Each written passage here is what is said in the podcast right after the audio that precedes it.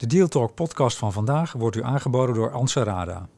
Sinds 2005 heeft Anserada al meer dan 23.000 transacties begeleid, waaronder M&A, kapitaalinjecties, desinvesteringen, herstructureringen en IPO's. Het nieuwe Anserada Deals zet een nieuwe standaard in dealtechnologie.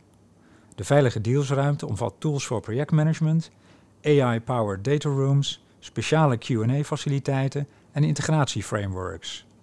Anserada Deals is meer dan een virtuele dataroom. Het is een complete transactiemanagementoplossing voor de gehele deal lifecycle. Start kosteloos op anserada.com. Welkom bij Deal Talk, de podcast over fusies en overnames. Met vandaag de gast Jasper Bergwerf. Hij is Head of Corporate Development and Strategy bij Parkbee. Jasper, welkom. Ja, dankjewel. Mag ik je vragen jezelf even kort uh, voor te stellen? Ja, Jasper Bergwerf. Uh, nou, zoals gezegd, actief bij Parkbee. Parkbee is een uh, digitaal parkeerplatform en techbedrijf wat zich richt aan het optimaliseren van de parkeerindustrie. En zoals ik gezegd, ik houd me daar bezig met strategy en M&A activiteiten, corporate development. Ja, ik kan me herinneren dat je over Parkbee ook wel eens praatte over mobiliteitsprovider. Ja, nee, terecht. Dus kijk, uiteindelijk zijn wij een platform zich begeeft in het mobiliteitsdomein. Dus dat wil zeggen dat wij aan eigenlijk aan alle aanverwante dingen die met parkeren te maken hebben. En dus ook uh, deelvervoer of EV-charging. Ja, dat zijn allemaal aanverwante industrieën en uh, daar spelen wij uiteraard ook op in. Ja, en uh, is het nu zo dat je uh, de parkeergarages niet op de balans hebt, maar dat je ze uh, gebruikt als... Ja. Nou, misschien kun je dat zelf ja. het beste uitleggen. Ja, precies. Dus uiteindelijk, zoals veel ondernemingen, willen we schaalbaar zijn. En, en wij geloven dat dat schaalbaar zijn betekent dat we niet daadwerkelijk fysieke assets kopen en op de balans zetten. Maar wij geloven dat die vastgoedeigenaren dat er prima toe in staat zijn en wat wij eigenlijk doen, wij optimaliseren het voor ze doordat die plekken on, onderbezet zijn of niet toegankelijk aan derden, aan, aan consumenten. En die stellen wij beschikbaar door middel van onze technologie. Hmm, oh, je legt er een, een technologie schil overheen ja. en biedt daardoor meerwaarde. Ja, ja, precies. Kijk, dat, ik had een beetje misschien vergelijken met ooit een booking.com. Die hotels hebben geen bereik buiten hun uh, eigen fysieke gebouwen, zou ik maar zeggen. En uh, ja, daar komt dan een platform wat het aanbod bij elkaar brengt en uh, dan op, in staat stelt om te optimaliseren. Ja. En hoe groot is jullie bedrijf? We hebben op dit moment uh, 100 mensen zo'n beetje in dienst. En dat, dat is verspreid ons hoofdkantoor in Amsterdam. En in de UK hebben wij ook fysieke kantoor. Maar we hebben ook onlangs expansie gemaakt naar Duitsland en België. En daar binnenkort volgen daar ook Frankrijk en Ierland aan toe. Ja, het dus, is een, een, schaalbaar concept, uh, begrijp ja, ik. Ja, en uh, dus wederom, wij hoeven niet die daar te kopen, maar wij werken uh, gewoon via hetzelfde model. Mooi. O ook onder de naam Parkbee? Ja, ja Parkbee Limited, ooit Parkbee GmbH, ja. dat soort zaken. Mooi, mooi, mooi ja. bedrijf. Het onderwerp van vandaag is hè, hoe kies je de investors die het best bij je passen en hoe doe je aan fundraising in, in tijden van economische tegenwind. Maar we beginnen altijd met uh, de deal van de week.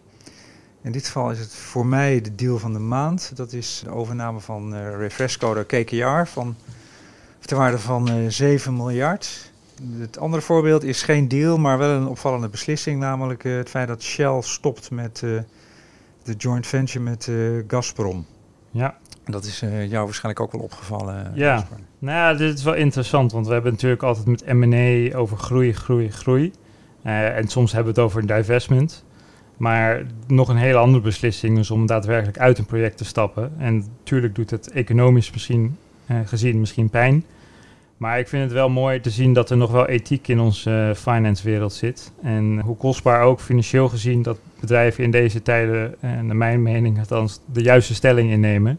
En met mij denk ik vele anderen die er zo over denken om uit dergelijke Russische projecten te stappen. Ja, de meest voor de hand liggende zijn natuurlijk de olie- en gasindustrie. Dus ik geloof dat ExxonMobil uh, hetzelfde doet. Ja. En ongetwijfeld vele anderen. Natuurlijk niet de bedoeling om ook nu dit politiek te maken, maar ik denk wel dat hier dat het duidelijk is dat er wel nog enigszins ethiek uh, zit. Ook bij die uh, milieuvervuilende clubs, zou ik maar zeggen. Natuurlijk ook vaak negatief het nieuws. Maar ja, zo zullen er buiten de olie- en gasindustrie vele andere sectoren zijn. Ja, ja, ja. Nou, we gaan het niet over politiek hebben vandaag, maar wel over uh, hoe je de investeerders kiest die het beste bij je passen. Ja. Nou, als ik die vraag zo aan jou stel, wat, wat is dan jouw antwoord? Ja, en misschien nog over mijn achtergrond. Ik kom ook oorspronkelijk een beetje uit uh, de investeringswereld. Ik heb ook een aantal jaar in de private equity gezeten. En wat natuurlijk vaak gezegd wordt in de private equity industrie, denk ik dat vele private equity investeerders dat zeggen, is dat ze hands-on betrokken zijn. En. Um, nou, dat is ook een beetje een buzzword. Maar als je het uiteindelijk afpelt, zijn er niet heel veel partijen die echt een actieve rol op zich nemen. Het kon gelukkig wel gezegd worden over waar ik zat. Maar zo vind ik wel dat er heel veel nog nou, wordt uh, gerefereerd en dat heel vaak wordt gezegd. Maar not a lot of in investors uh, put their money where their mouth is. En vaak brengen ze dus alleen financieel kapitaal mee maar niet ook het netwerk of, of het strategische mee kunnen denken op de propositie. En met name vind ik dat het venture capital zo is. Uh, nog heel veel spray and pay. En dan kan je ook gewoon niet fysiek actief betrokken zijn bij elke, bij elke onderneming waarin je participeert. Maar ja, ook, ook binnen de PI waar er minder investeringen misschien gedaan worden, toch nog naar rato te veel om dat te kunnen beloven. En dat, ja, dus dat is voor wat mij betreft wel het, het voornaamste als je echt een investeerder zoekt die bij je past. Misschien wil je ook iemand die echt niet bij je betrokken is, maar ja, ik zou zeggen, doe er je voordeel mee en het kan zeker uh, helpen. Ja, en kun je schetsen welk type investeerders uh, bij Parkbie betrokken is? Ja. ja, dus wij hebben oorspronkelijk uh, regionale ontwikkelingsmaatschappij, is een van onze aandeelhouders. Dat echt in een ver verleden, toen wij, uh, toen wij in die regio uh, waren eigenlijk opgestart. En wij hebben een Series 1 investor destijds, uh, Stadkraft Ventures, aan boord gesleept. En dat is een venture investeringstak van Stadkraft, wat ook tevens een hele grote investeerder in renewables is. Dus er is een clear mobility and green angle als investeerder. En dat betekent dus ook dat zij van een bepaalde achtergrond komt. Afgezien dat het in hun investmentstrategie past. Ja dat ze ook ergens iets meer kennis hebben van die sector dan, uh, dan iemand die daar niks mee heeft. En het mooie is dat we aan de vooravond staan van een nieuwe ronde. Een investeerder hebben die ons echt in deze fase op het gebied van schalen, waar we echt mee bezig zijn nu, ook heel erg veel uh, voor ons kan betekenen. Dus we nog even wachten met de naam, maar dat uh, zal spoedig in een persbericht volgen. We wachten het af. Zijn er nog meer investeerders betrokken bij Parkbee? Nee, we hebben wel oorspronkelijk natuurlijk uh, angel investors uh, aan boord gehaald. Verder geen, uh, geen actieve financieringsfondsen. Er wordt wel eens gezegd dat het type investeren dat betrokken raakt bij een bedrijf ook iets zegt over de mogelijke toekomstige scenario's. Ja. herken je dat? Ja, zeker. Dus kijk, wat je ziet in de industrie zijn een paar dingen. In de eerste plaats is dat de omvang van een ronde, die dus ook hè, moet passen bij de investeerder, die moet wel de middelen hebben om die ronde te kunnen doen. Vaak inleidt ook wat de volgende rondes uh, gaan doen. En uh, dan heb ik het met name over de investeringsgrootte. Je ziet zelden dat uh, wij spreken een Series B kleiner is dan een Series A of een C kleiner dan een B en, en ga zo maar door. Ja. Dus je ziet wel echt dat dat een precursor is voor de groot, grootte van de rondes daarna. Heeft dat te maken met uh, psychologie of met, uh, met kuddegedrag? Of wat ja. is het? Ja, ongetwijfeld. Dus, dus met name psychologie. Dat het, het voelt toch gek voor een onderneming die groeit, die naar een volgende fase gaat. En, en, en uh, ook wat daadwerkelijk fysiek groter is, om dan in één keer minder geld op te halen. En eigenlijk zou alles op zijn minst pari passu uh, mee moeten gaan. En Ja. bij voorkeur natuurlijk uh, exponentieel uh, mee moeten gaan. En dat zie je ook wel. Dus dat is daar ook wel een bevestiging van. Maar het zegt ook heel veel over ja, natuurlijk de type investeerders die je binnen gaat halen. Want niet elke investeerder, en dat spreek ik met name over de US, er zijn niet heel veel investeerders die die hele grote seed-tickets uh, neerleggen, zoals Hm. wij in Europa nog niet hebben.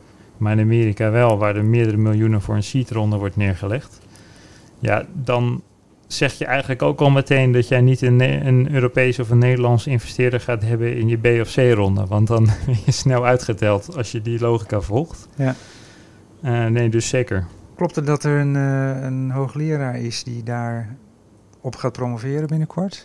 Ja, ja nou, dus eh, toen Job Andrioli, hij eh, hij houdt zich ook bezig eh, met dit onderzoek. En eh, ik had hem laatst eh, mogen spreken En waar doet hij dat, dat onderzoek? aan de Nijrode Universiteit. Ah. En ik heb hem ook laatst over mogen spreken. En uh, nou, daarin gaf hij ook aan en heeft ook onderzoek gedaan naar uh, het, het, soort investeerder dat je binnenhaalt en hoe dat past bij uh, bepaalde ondernemingen. Of jij juist gebaat bent bij, en ik maar even, informal investors. Of dat je gebaat bent bij crowdfunding. En dat het ook in hele hoge mate ook het laatste succes, van de onderneming bepaalt. I don't want to steal his thunder. Dus ik, hij kan het ongetwijfeld beter uitleggen dan ik. Maar uh, ik vond het wel uh, opmerkelijk, omdat, of, nou niet zozeer opmerkelijk, maar uh, ik kon er wel in vinden, want ik, ik, dat heb ik ook gewoon om me heen gezien. Je herkende het? Ja, ik herkende het inderdaad. En ik weet dat het heel lastig is om daar onderzoek naar te doen, want de data die we beschikbaar hebben over venture capital is nog gewoon heel erg prematuur hm. en onderontwikkeld. Maar wat hij concludeerde, dat zie ik wel echt terug, ja. Ja, en is bekend wanneer dat proefschrift verschijnt? Dat weet ik niet. Nou, nee. we, dat nee. houden we in de gaten. Ja, ja. In mijn inleiding zei ik al even, de, hoe doe je nou een fundraising als het, uh, als het tegen zit, het economische tij, hè? Als, ja. als je last hebt van tegenwind. Ja. Kun je daar iets over vertellen uit eigen ervaring? Ja, ja nee, dus, dus wat voor mensen geen verrassing uh, meer mag zijn, is dat COVID natuurlijk al bijna twee jaar onder ons is. Dat heeft de ene onderneming harder geraakt dan de ander. Ja. En ja, als ik heel eerlijk ben, dat heeft ook natuurlijk Parkbeer geraakt in de, een omzetvorm. Want als er geen mobiliteit is, wordt er ook niet geparkeerd. En uh, zo simpel is het. Maar met, met ons natuurlijk heel veel anderen. Denk aan de evenementenbranche, denk aan de leisure-industrie, sportscholen, uh, Basic Fit. Dat zijn allemaal ondernemingen die natuurlijk hetzelfde hebben doorgemaakt. En door restricties die volledig buiten hun macht om, ja, toch impact hebben gehad op de onderneming. In een tijd waar je ook ondernemingen hebt gezien die juist andersom reageerden, die juist hartstikke geprofiteerd uh, hebben en baat hebben ja. bij uh, COVID. Denk aan de gorilla's en de flitsbezorgers van deze wereld. Denk aan Zoom. En het opmerkelijk vind ik dan nog wel, en ik weet dat het ook deels psychologie is, maar dat je ziet dat dat soort ondernemingen, waar alle wind in de zeilen, die alle wind in de zeilen hebben, uh, waarbij er sprake is van een perfect storm, zo succesvol zijn in fundraisen. Terwijl je ook je kan afvragen, is het allerbelangrijkste, is dat houdbaar? En misschien ook ja. niet irrelevant uh, als je nu al een hoge prijs neerlegt. Heeft het, dat is de grootste bepaler voor het rendement wat je op je investering gaat hebben. Want dus je moet dus nog hoger, wil je daar, uh, dat, dat er ook daadwerkelijk uithalen. En, uh, heeft soms, heeft dat ja? ook te maken met psychologie of, of met fundamentals? Ja. Vooruitzichten? Nou, kijk voor mij zou als investeerder en ook in het verleden is het allerbelangrijkste dat het een goed businessmodel hebt. Ja. En wat natuurlijk lastig is in de venture-industrie is, dan moet je daar iets van vinden. Want het businessmodel is nog niet helemaal bewezen altijd. Dus daar moet je gewoon veel onderzoek naar doen en, en dus iets van vinden. Maar wat ook wel gewoon psychologisch zo is, als jij een onderneming uh, wil investeren waar je naar kijkt en elke maand of elke week zijn de omzetcijfers of waar je ook naar kijkt beter, dan wordt het toch als positief ervaren. Terwijl ja, een onderneming waar dat dus de andere kant op gaat, zoals dus in de mobiliteitsbranche, in de evenementenbranche, sportscholen, waar fundamenteel helemaal niks mis is met het businessmodel, maar gewoon tijdelijk tegenwind hebben door een hele externe, uh, grote externe factor, daar wordt het toch als negatief ervaren. Terwijl als je gewoon terug naar de basics gaat en kijkt naar de business zelf, is er niks mis mee. Het businessmodel is misschien juist wel succesvoller dan de ander. Alleen we kunnen het nu niet aantonen door nee, externe nee. redenen. En ja, de vraag is dan van wat is het juiste moment? En als investeerder weet ik, het tweede kan je inprijzen. Namelijk als er dus sprake is van een COVID. Ooit gaat dat weg. Dus dat die verliezen of wat je, hoe je het ook wil meten, die kan je inprijzen. Ja. Maar het succes van de piek kan je, kan je niet inprijzen. Want je moet dan geloven dat het zich aan blijft houden. Klopt, fascinerend. En als je nu kijkt naar uh, de oorlog in Oekraïne. Ik weet niet of we dat hebben kunnen zien aankomen, maar het heeft wel impact op een of andere manier. Welke invloed heeft zo'n uh, zo'n conflict ja. in, uh, in, in M&A-dynamiek? Ja, het is natuurlijk uh, zoals net als met COVID, zie je daar gewoon hele grote verschillen. Ik denk dat het mag duidelijk zijn dat uh, het hele grote invloeden heeft op in industrieën waar die natuurlijk heel erg beïnvloed worden in positieve en negatieve zin, zoals de olie- en gasindustrie. En de dollar barrel prijsjes van olie die door het dak gaan. Ja. Tegelijkertijd weet je ook dat er heel lang productieschaarste kan zijn doordat uh, gewoon bepaalde leveringen niet doorgaan vanuit grote olieproducerende landen. Ja. ja, er zijn ook sectoren die op eerste gezicht, zoals de onze, uh, worden natuurlijk niet door geraakt. Ja, mensen hier gaan door met hun leven en uh, natuurlijk volgen ze dat nauwlettend, maar het heeft nu geen invloed. Alleen de vraag is hoe lang blijft dit, houdt dit aan? Als wij hele hoge inflatie hierdoor blijven krijgen en uh, uiteindelijk uh, een soort economische schok hier uh, komt, ja, zal het op een gegeven moment ook de consumenten raken en zullen zij op een gegeven moment ook minder de deur uitgaan. Dus ook weer even terug naar het haakje maken naar wat we hiervoor zeiden. moet je juist nu wel instappen, omdat er sprake is van een perfect storm bij een, in de olie- en gasindustrie. Of is het ook alleen een tijdelijke piek als het, als het conflict weg op enig moment? Ja, Ik, ik, weet het niet. De, psychologie zegt dat je nu in moet stappen. Dat, uh, dat wordt gezegd. Buy low, sell high. Ja. wat je nu wel ziet is dat die, de M&A-wereld ligt nu helemaal stil. De, de grote deals van februari die waren allemaal voor het conflict. Ja. Dat begon op uh, eh, 24 februari. Ja. Maar nu gebeurt er niets. Ja. Begrijpelijk. Ja, het is natuurlijk eigenlijk hetzelfde als wat we hebben ervaren afgelopen jaar, of twee jaar inmiddels alweer terug bijna, ja. het begin van COVID. Die hele, het hele eerste kwartaal, uh, of laten we zeggen het tweede kwartaal van 2020, hè, het eerste COVID, echt volledige COVID-kwartaal, was volgens mij rampzalig. Ja. Maar toen op een gegeven moment kwam het besef van eigenlijk valt het wel mee economisch gezien. Het geld is nog steeds overal te vinden, rentes zijn nog steeds laag. Waarom zou het een invloed moeten hebben op de dealdynamiek? Ja. Zeker dus voor die sectoren die daar juist van profiteerden. En uh, bleek uiteindelijk dat uh, het resterende helft van 2020 en ook 2021 gewoon fantastische dealjaren waren. Dus uh, ja, ik moet het hier ook zien. Ik denk zeker natuurlijk re regionaal zou je invloed wel echt merken. Maar ik ben benieuwd of dat ook hier uh, hetzelfde gaat optreden. Zie je ook verschil, voor zover je dat kunt overzien, tussen uh, de M&A-dynamiek en de private equity deals? Ja, nou, historisch gezien zeker. Het is natuurlijk nog vrij recent, dit conflict. Hoe het zich uh, de komende maanden uh, voort gaat, dat, dat weet ik nog niet. Nee. Maar we weten wel dat historisch gezien, zeker de close-ended funds, ja, die moeten gewoon doorgaan met investeren. Die zitten gewoon aan hun hun looptijden. En hun specs, uh, idem dito, daar hadden we het even voor de ah, uitzending al even over. De, specs. Ja.